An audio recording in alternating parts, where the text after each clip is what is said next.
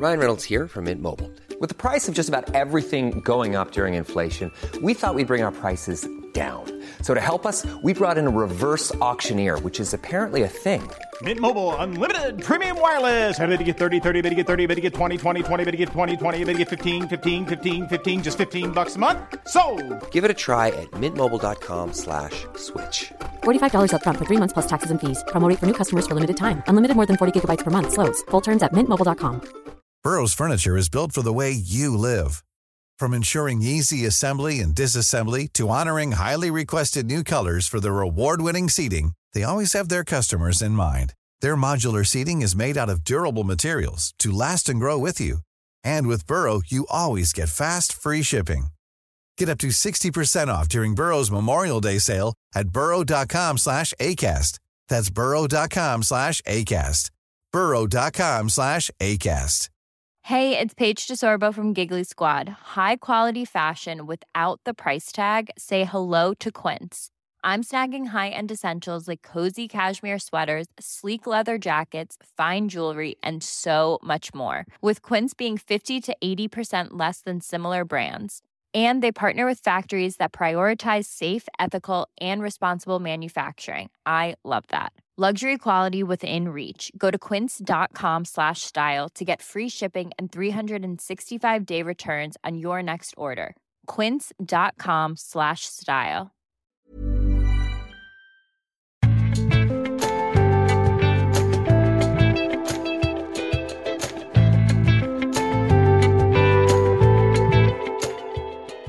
Dagen får flere abonnenter, men hva vil de egentlig lese om? Dette er Tore og Tarjei, en podkast fra Dagen.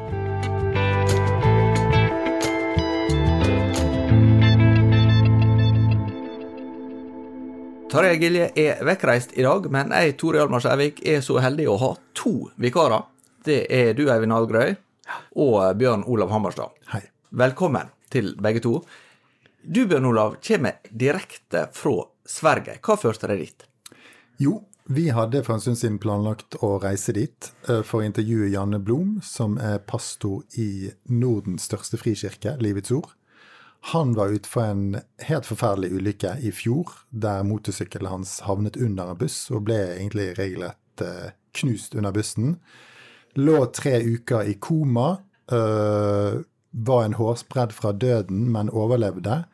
Eh, Så jeg dro hjem til han i hans eh, hjem eh, nord for Uppsala, der han sitter i en elektrisk rullestol. Så møtte jeg også Rune Borgsø, som er norsk pastor i samme menighet. Og når vi kom dit, så var det jo så naturlig å snakke om det som skjer i Sverige nå. Det er jo uhyre dramatisk, men kunne si, for å være i et skandinavisk land. Det er helt spesielt. Og en eh, kriminolog fortalte at eh, Uppsala nå er den byen eh, Eller at Sverige nå er det landet, med unntak av Mexico, som har flest eksplosjoner og eh, drap eh, sammenlignet med innbyggertallet. Eh, Så det er en helt eksepsjonell situasjon i vårt naboland. Og jeg besøkte Uppsala, som har vært en forholdsvis fredelig by fram til de siste månedene. Og nå er det rett og slett en av de verste byene man kan, eh, man kan være i. Um, og det, det gjorde jo at uh, jeg snakket med taxisjåfører der borte, som fortalte at de var redde, som fortalte at de var sinte. Uh, og um, bare når jeg våknet i dag tidlig, så kom det jo en, en ny melding fra det som har skjedd i natt. At uh, fem boliger har blitt, blitt rammet av en eksplosjon. En 24 år gammel kvinne har mistet livet. Eh, En av taxisjåførene snakket med, hadde snakket med denne 13-årige gutten som mistet livet for, for noen uker siden. Han er fra Eritrea. Eh, mens, eh, mens eh, mitt inntrykk er at, at disse gjeng, gjengmiljøene er i hovedsak fra kurdiske områder og tyrkiske områder. Um, så uh, det var spesielt for meg, fordi jeg bodde jo i denne byen. Ja, det, det er en stund siden nå, men du beskrev noe av at eh, Sverige også på den tida var noe annet enn det du kjente herifra. Det var veldig overraskende for meg å komme Jeg bodde jo i nesten et år i Gottsunda, som er en, en, en del av Uppsala. Uh, og jeg husker at i den gaten jeg bodde der, så var det uh, ingen plakater på svensk på oppslagstavlen ute som fortalte om hva som skjedde. Det var på andre språk. Uh, jeg kunne ut på gaten og ikke se en eneste svenske. Så det var et segregert samfunn. Uh, og dette jo, sånn, skyldes jo mange ting. Sant? Det skyldes uh, ganske høy innvandring i mange år. Men også at boligpolitikken til sosialdemokratene i etterkrigstiden, der man bygget veldig billige og mange boliger på samme sted. Og da er det naturlig at de som har lav inntekt, bosetter seg der. Da. Så da får du sånne uh, samfunn som er parallelle med, med, de, med det svenske samfunnet. Og så nevnte du også litt om det med å bli integrert i Sverige, som du tenker har vært ganske utfordrende, i tillegg til den boligpolitikken. Ja, og det, jeg tror det å bli integrert i Sverige kan være vanskelig, fordi Medelsvensson er jo en person som har høy tillit til staten, som gjerne unngår konflikt, som er opptatt av forsoning, og som kanskje ikke alltid sier rett ut hva han eller hun mener. Uh, og selv meg som nordmann, og spesielt bergenser, var jo litt sånn uvanlig, da, for vi snakker jo rett ut av posen. Uh, så det å komme dit var egentlig et møte med et land som var litt rigid, litt sånn regelstyrt og litt sånn formelt. Du kan jo bare lure på hvordan det har vært for innvandrere som kommer fra uh, Midtøsten og andre land, hvordan det er å komme til Sverige det er jo virkelig noe helt annet enn den kulturen der vi kommer fra.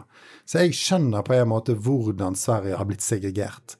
Eh, så det, er jo bare én av mange faktorer, da. Men hvordan opplever de du, du møter der borte nå, situasjonen? Altså, hva, er det de ser, eh, ser, for seg? Nei, altså vi snakket jo, Jeg snakket jo del om pastorene om dette. Hva gjør en så stor menighet som Livets Ord eh, i et land som er i egentlig krise? altså Politiet sto fram på TV på, på, SVT på kveld og sa vi har ikke kontroll. Uh, og, og, det er ganske dramatisk når politiet sier det på TV. Uh, så de har jo drevet mye ut av dette, et arbeid. De har drevet arbeid uh, i Gottsunda, gjør det i dag, og i mange andre steder. I Stockholm driver de et, et utadrettet arbeid der de når inn i kriminelle miljø og lavinntektsfamilier, og forsøker da å gjøre noe med dette. Uh, og de er selv urolige. Uh, men de er ikke spesielt overrasket, for de har jo sett denne utviklingen over, uh, over mange år. Ja, for Vi husker jo når Sylvi Listhaug uh, mynta det begrepet 'svenske tilstander'. Da fikk hun jo veldig masse motbør, og helt sikkert med rette, sånn sett. Men for meg, da, som ikke er så inne i den problematikken, er det sånn at det som var da, det er blitt mye verre nå, eller hvordan, hvordan er det? Ja, det er jo, kan du si, de såkalte svenske tilstandene før var jo mye i områdene rundt Malmö. Eh, nå har jo dette flyttet seg oppover. Og det er jo eh, gjengkriminalitet. Det er litt annerledes. I dag er det gjengkriminalitet styrt fra utlandet. Det er mye kokain som kommer inn til Europa, som har kommet veldig mye de siste årene, og som øker i Sverige og i Norge. Eh, så det er rett og slett litt sånn eh, Jeg vet ikke om dere har sett TV-serien Mexico eller eh, sånt fra Netflix. sant? Det er, det er narkotikagjenger og det er narkotikakriminalitet, slik som vi ser i Sør-Amerika. Det er liksom den problematikken som har flyttet seg nærmere Norge da, og, og Sverige. Jeg la sånn Sigurd Falkenberg Mikkelsen, som er utenriksredaktør i, i, NRK, skrev om dette at det er et, et europeisk problem, for du ser lignende tilstander i f.eks. Eh, nederlandske havnebyer som Antwerpen og Rotterdam. Eh, så, og, og, han var veldig tydelig på at dette er ikke noe som en liksom kan gardere seg mot i noe europeisk land, fordi at dette her er eh, internasjonale strømmer av både penger og eh, narkotika og følg, påfølgende kriminalitet. Mm. Så sånn sett så er det jo et slags eh, eh, ja, det, det, er jo eh, ganske skremmende å tenke på eh, hvis, det, hvis, det, er så, eh, så nær, da. For vi, vi, er jo lett for å ta harmoni og, og trygghet for gitt. Mm, vi har det. Og jeg er jo ingen spesialist på dette feltet. Men, men det vi i dagen er kanskje mest opptatt av, det er jo hva gjør Kirken med dette? Hva gjør kristne ledere med disse problemstillingene som kommer så tett på? Uh, og det som eh, Rune Borgsø i, i Livets Ord i Sverige pekte på, det var jo at han tror at kirken kan være et sånt sted der uh, lavinntektsfamilier og familier som ikke føler seg integrert i det svenske samfunnet, kan finne et hjem. Kan få venner, kan få et miljø, og at man kan nå ut til disse risikogruppene. Da. Og det har jeg veldig tro på. eh, at det kan skje. Og, og det kan godt være at kirker i Norge også i større grad må forberede seg på sånne, sånne tilstander. Jeg har jo vært en tur i et annet land, nemlig Rogaland. Siden, eh, siden sist. Eh, Jeg var en, eh, var en dagstur der i går og gjorde et par intervju. Og det handler om helt andre tematikker. Det handler mer om, om ja, Kjell Arild Pollestad, den kjente katolske eh, pater og eh, kulturpersonlighet, som eh, har laget sin egen bibeloversettelse. Det er, et, eh, det er jo et prosjekt som det står respekt av, da. Ja, sitte Det er en kraftprestasjon. han, han, eh, han har ikke bare studert ett språk heller underveis, han har konferert med flere språk, forsto Ja, han snakker om at han har brukt eh, bibeloversettelser på bare 14-15 forskjellige språk for å konferere. Det sier jo litt om hva han er i stand til å lese. Wow. Så, eh, så det er jo eh, er sak som vi kommer tilbake til, for jeg har gjort et intervju til senere. Og så har jeg også snakka med tidligere prest Ola Ohm om eh, hvorfor han eh, valgte å eh, gå ut av Den, eh, den norske kirke. Med bakgrunnen er egentlig et foredrag han for ti år siden, der jeg eh, fant fram igjen det foredraget og spør om hva, hva tenker du om dette i dag. Og nå lurer kanskje noen lyttere på hva har dette her egentlig med det annonserte temaet å gjøre. Eh, og det tror jeg faktisk har en del med det å gjøre, nemlig hva velger vi å skrive om i dagen. Nå eh, ble det nylig kjent at eh, vi har hatt en ganske sterk positiv utvikling med abonnementstall. Du, eh, Eivind, er jo til daglig reportasjeleder eller nyhetsleder og sitter og, og har litt oversikt. Men kan, kan du si noe om Ja, altså- utviklinga der? Ja, vi, eh, vi i Dagen la jo om egentlig måten vi arbeider for, eh, på for et par år tilbake, og gikk over til å arbeide mer, eh, litt uavhengig av hva plattform vi skal publisere på, men jobbe med journalistikken.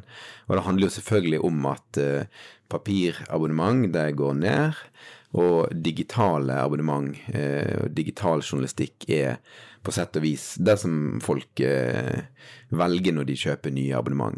Eh, så da la vi om, og siden den gang så har vi vel hatt en ganske sånn jevn vekst eh, i eh, Spesielt i digitale abonnement, men òg opplagsvekst kunne vi melde om nå i år, da. En god opplagsvekst. Ja, for nå, nå nærmer vi ikke helt på 16 000 abonnenter, men vi, vi er ikke så langt Ja, vi har vært rett over på interne målinger, men eh, med godkjent sånn, eh, opplag så nærmer vi oss faktisk eh, 16 000. Og det er jo eh, historisk. Eh, så vidt vi vet, så er vi på Altså i registrert historie, så, så er vi eh, oppå det høyeste vi noen gang har hatt som avis. Og da er jo det ei utfordring å velge. Uh, vi, vi, du nevnte det med digitalt, så er- det rundt halvparten, eller over halvparten nå som kun leser dagen digitalt. Eh, og så er det jo et spørsmål om eh, den kanadiske eh, medieteoretikeren Marshall McLuhan hadde rett. The medium is the message. Hvordan du formidler noe, det sier også ganske mye om hva du formidler. Og et av um, de spennende sidene ved journalistikk i vår tid, det er jo at veldig mye er blitt målbart. Når vi publiserer en artikkel på nett, så ser vi hvor mange som klikker på den. Vi, vi ser hvor lenge de har vært inne på den. Det er ikke alltid så lett å måle hvor lenge, hvis en har hatt oppe noe i ei faen uten å lese. Altså, så det, der er noen feilkilder her, da. Men, men vi får et ganske klart inntrykk av om folk bare klikker seg inn og går ut igjen, eller om de faktisk har brukt tid på å lese en artikkel. Og vi ser også en del om eh, hva eh, tematikker som interesserer, ikke bare eh, akkurat om en bestemt artikkel treffer, men om et tema interesserer leserne våre. Og har du noen ja, har du noe sånn eh, hovedpunkt der, Eivind, å dele? Ja, altså, da å få den informasjonen, eh, det er jo noe som eh, Det er som når du sitter med en nyvinning, så er jo det eh, Altså, dynamitt var noe positivt, men det kunne òg bli brukt til noe negativt. Altså, når du sitter med ny informasjon sånn, så så er det klart at som journalister og som eh, sånt reportasjeleder som jeg er, så ser vi jo med en gang at her ligger det eh, veldig store muligheter og noen utfordringer. Og utfordringene er jo selvfølgelig hvordan forholder vi oss til eh, det som folk ønsker å lese om, det som folk klikker på. Eh, det, det jo, man kommer jo fort inn i landskapet klikkjournalistikk når vi ser på utfordringene med den kunnskapen. sant? Altså, Vi kunne nok eh, lagd en nettavis som hadde mye høyere lesning enn det vi har i dag, hvis vi valgte å følge på en måte det sporet. Um, så, så, um, så, det er jo på en måte kanskje den mørke sida av dette her. Den lyse sida er jo at vi får nok eh, punktert noen forestillinger som vi journalister kan ha hatt, om hva folk er interessert i, hva som er god journalistikk, eh, hvordan dagen skal gjøre sin profil journalistisk. Eh, vi har nok eh, kanskje gått vekk fra da f.eks. å tenke så veldig sånn tematisk. Vi skal innom disse og disse temaene i løpet av ei uke. Eh, vi har nok noen av de samme temaene for øye, men vi, vi, tenker annerledes når vi utformer journalistikken vår. Da. Kan jeg bare få si en ting som jeg tror mange lesere ikke er klar over. Og det er at når vi publiserer Nå skal vi jo egentlig publisere for mobiltelefon. Sant? For de fleste leser våre nyheter på en mobiltelefon. Og den har en mye mindre skjerm. Så vi har flere linjeskift nå enn vi hadde før. Det er bare en sånn teknisk sånn gøy ting som ikke folk tenker på. Sant? At du må trykke på den linjeskift-knappen litt oftere. Og så må vi ha litt kortere bildetekster. Og så må vi tenke liksom på at eh, folk skal kunne se de bildene på en, på en så liten skjerm. Så det er, det er, klart at du snakket om the medium is a message. Altså mediet påvirker jo også oss til en viss grad, da til, til journalistikken vår. Og så, og så syns jeg det er gøy å oppdage at vi har eh, våget å gå inn på noen nye områder rent journalistisk som vi var usikre på om leserne våre ville sette pris på og ønske ja, å lese om. Der har du uh, gjort egentlig ei oppdagelsesreise både i, uh, i uh, konkret og overført betydning. Fordi du har reist en del, og reist plasser der dagen vanligvis ikke har vært så mye. Ja, så vi har jo hatt en satsing eh, bl.a. på migrantmenigheter. Og på mer marginale miljø. F.eks. læstadianere eller Jehovas vitner. Nå kommer det også en sak om Jesu Kristi kirkes siste dagers hellige, altså mormonere, og det kommer også en på, uh, ad, i, i, fra en adventistmenighet. Og det er klart at dette er mindre miljø, altså miljø vi har skrevet betydelig mindre om før. Uh, og da er det gøy å se at våre lesere ønsker å lese sånne saker. da. Eh, dette, vi snakket litt dette om å kikke inn. sant? Altså, ja, Vi vet jo hvordan en eh, gudstjeneste i Den norske kirke foregår stort sett, eh, og en, og en frimenighet som de fleste av oss har vært der. sant?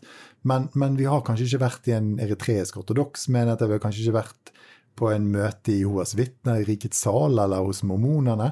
Og det tror jeg er en interesse for folk, da, å kunne kikke inn og se hvordan er egentlig det? Hva, hva skjer der? Hvordan gjør de ting, og hvordan tenker de?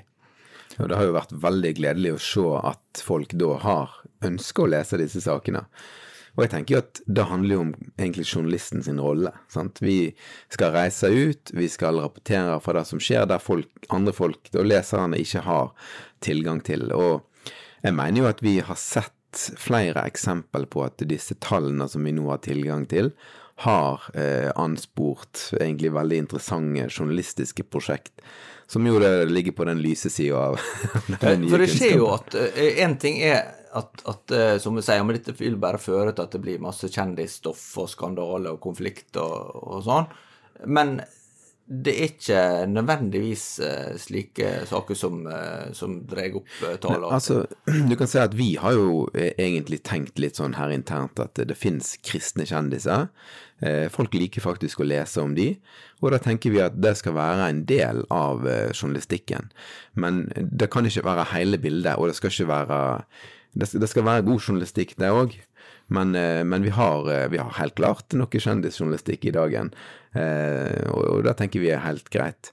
Men hvis det hadde vært hele bildet, så tror jeg vi hadde vært egentlig ikke tilfreds som journalister heller. Nei, vi hadde ikke det.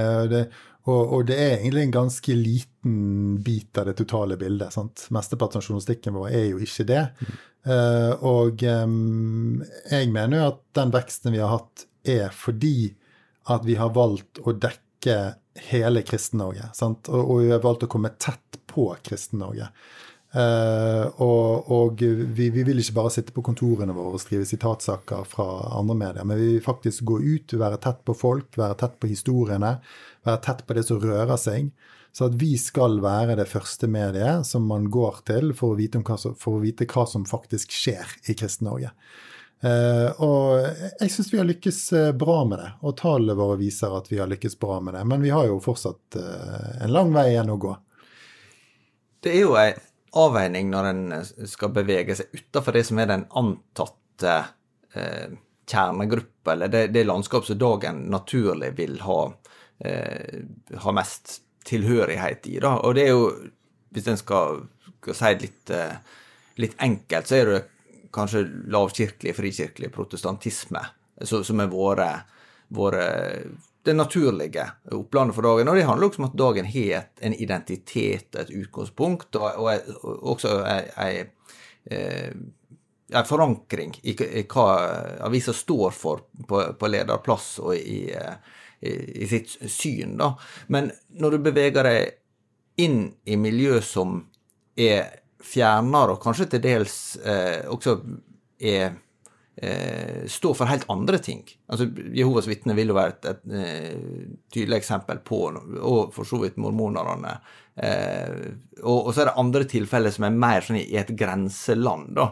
Eh, men, men syns du det er en utfordring der å formidle til leserne at, at uh, dette her er en en trosretning som har noen andre forutsetninger, eller på noen måter vil ikke blir på en måte naturlig regna med av mange andre miljø i dagen. da. Eller så, ikke i dagen, men, men dagens sine naturlige eh, sitt naturlige oppland, for å si det sånn. Altså, jeg, jeg, er sånn forsiktig med å kategorisere og si at dette er et kristent trossamfunn, dette er ikke et kristent trossamfunn. Det, det får andre med bedømme. Men men for oss er det bare viktig å, å fortelle hva tror de på, eh, og hva bygger de sin tro på. Eh, og hvilke praksiser har de. Det er jo det, det vi kan formidle, og det er det jeg gjør som journalist.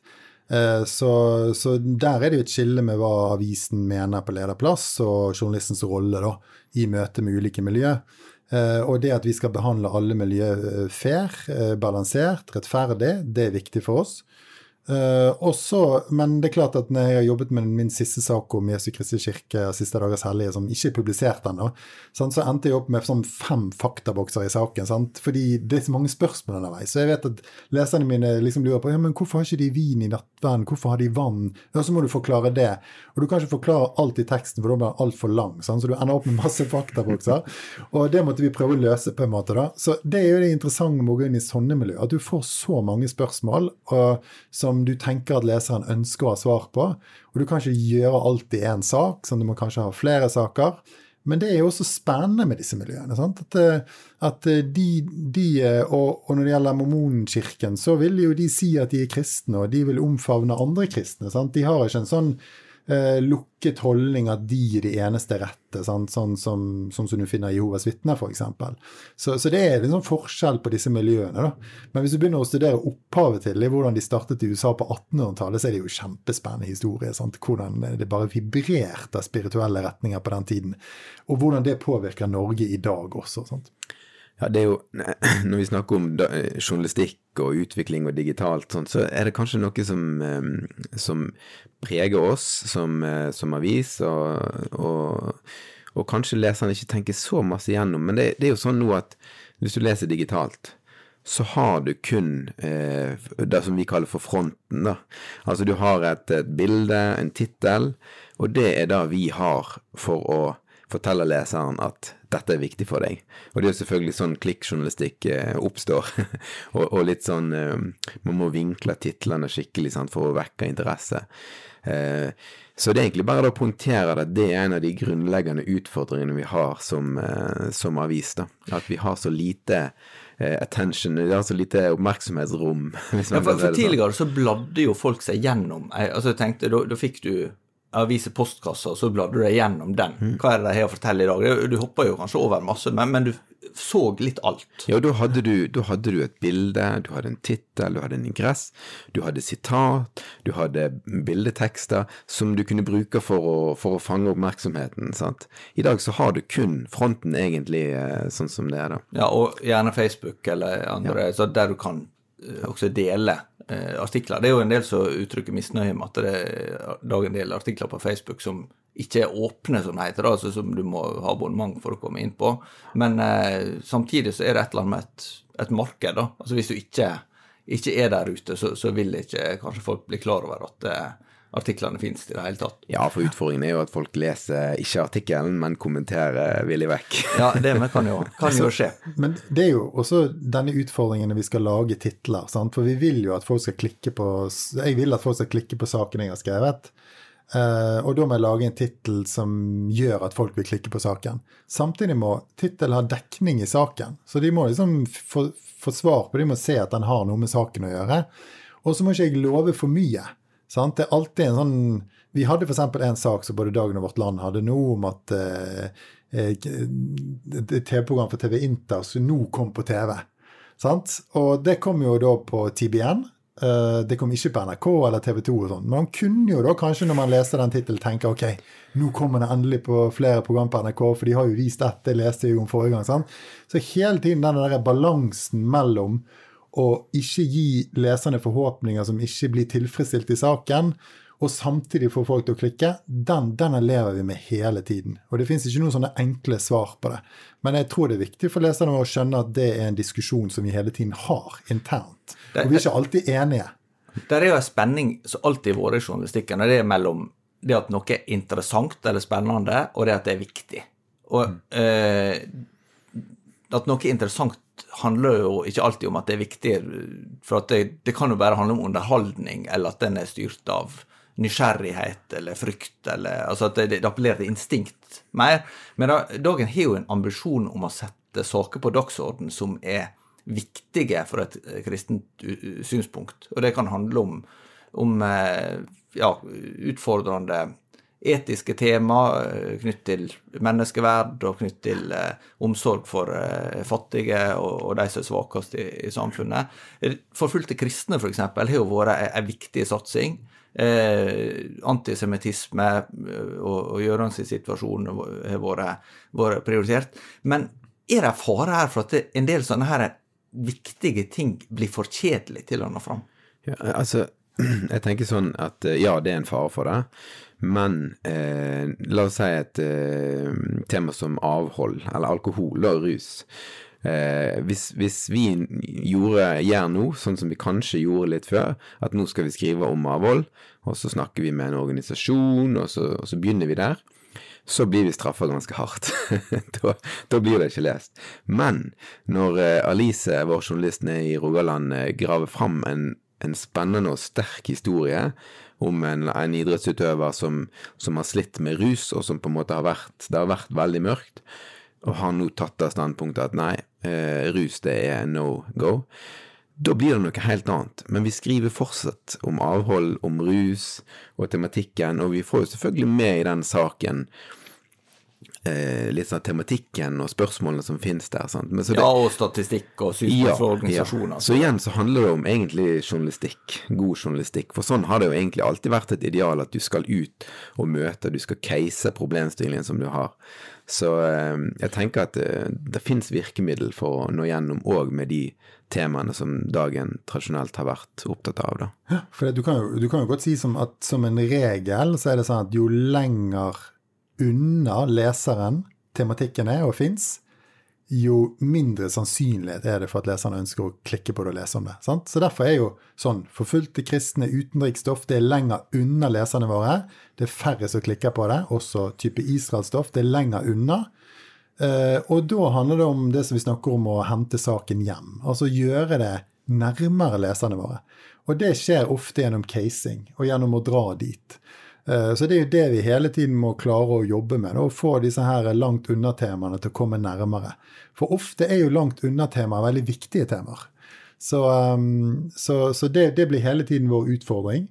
Og det tror jeg at vi har en veldig bevisst forhold til, selv om vi ser på tallene over at ikke alle de sakene nødvendigvis blir så mye klikket på, så er det fortsatt viktig for oss å skrive de sakene.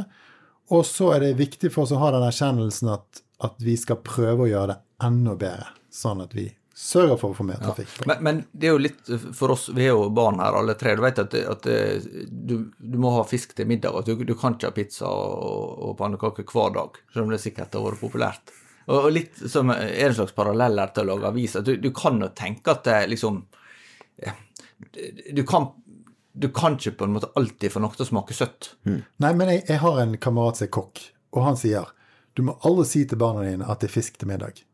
Du må si at det er, at det er torsk med, med noe sånn eh, bearnéssaus og noe. Altså, du, du, må, du, må, du må bli mye mer konkret. Du må presentere det på en god måte. Sånn at ikke folk tenker gå en gang inn i denne Å ja, det er bare fisk. Sant? Og det er liksom litt sånn trikset for oss òg, da. At ja, det er fisk. Det er viktig, det er sunt. Vi trenger det men vi må vinkle det bra. Ja, Det syns jeg er veldig godt. For vi, jo, vi, har jo hatt leserundersøkelser som har tyder på at folk er veldig interessert i misjon, veldig interessert i Israel osv. Disse tingene som er viktige for oss. Men så ser vi at hvis ikke vi presenterer det på en god måte, så, så hjelper det egentlig ikke om folk er interessert i misjon dypest sett. For de, de ser ikke appellen i denne saken. Så, så mye og det, det handler jo litt om medier, altså Hvis du sammenligner det å bla gjennom ei papiravis med det å bla gjennom internett, ja. så er det to ganske forskjellige øvelser. Det er det, og det er ikke sikkert folk tenker så mye over det, men det er veldig, veldig forskjellig, altså. Eh, vi har jo, jeg kan jo få lov til å lansere en liten nyhet fra dagen, kanskje, i, i all ydmykhet. For, for, det handler litt om det vi snakker om. Sant? Nå eh, starter vi opp et nyhetsbrev som heter Endelig fredag der vi går igjennom sammen med, med, abonnenten på en måte litt hva har vi skrevet om denne uka. Løfter det litt opp, gir et par ekstra ord på hvorfor det kan være interessant å lese denne nyheten. Eh, så det håper jeg kan være en inngangsport til at folk kan òg lese flere saker, kanskje. da. Så det er jo litt mer et redigert produkt, kan du si, enn, enn det som bare fronten er. da. Ligner litt kanskje mer på, på en avis. Og De digitale abonnentene kan jo fortsatt uh, lese papiraviser på iPad for eksempel, eller telefon. Så det, det går an uh, å, å, laste den ned for å bla seg gjennom. Ja, det er faktisk overraskende mange i uh, Medie-Norge generelt, altså abonnenter som leser e-avis, som vi gjerne kaller det for. Da. Så det er litt artig. Er det nye spennende prosjekt nå, Bjørn Olav, til slutt? Ja, nå har jeg en sånn bunke med saker som ligger og venter på meg så som jeg skal skrive ut. For jeg har vært såpass uh, mye ute nå uh, de siste par ukene. Men jeg har du vet, en som jeg Journalistikken hadde vært flott yrke om det ikke var for all skrivinga. jeg har én sak som, er veldig, som jeg gleder meg veldig til å, å jobbe videre med. Og det er jo da Ida på 103 år som, eh, som, og hennes perspektiver på livet og hvordan hun har blitt så gammel som hun har blitt, og hvordan hun lever i dag. Nei, det var, det var enormt fascinerende å få møte henne. Og jeg har altså fulgt henne i mange timer og tatt bilder av henne i ulike På vei til, til eldre treff der hun skulle feire venninnen sin 97-årsdag. Ja, ung er det. Eh, ja, hun er jo ung i forhold, sant. Og hvordan pastoren i menigheten sier at ja, men Ida på 103 er ikke leder for dette arbeidet fordi at hun liksom har en sånn status fordi at hun er så gammel. Nei, fordi at hun er en flink leder. Og det fikk jeg observere. Og det ga meg bare noen sånn Oi, tenk, tenk. Det, går, det er faktisk mulig å bli skikkelig gammel. Uh, være i uh, full vigør, sånn som hun er. Så um, det var veldig inspirerende møte. Jeg har sett de bildene der, og jeg syns det, det, var fantastisk fine bilder. Uh, og utrolig sterkt å se uttrykket i ansiktet hennes og, og gnisten og ja. Så den gleder jeg meg til. Klikk inn og bli abonnent. Det får bli eh, dagens oppfordring. Og eh, takk til Bjørn Olav Hammerstad og Eivind Algerøy. Vi er tilbake neste uke.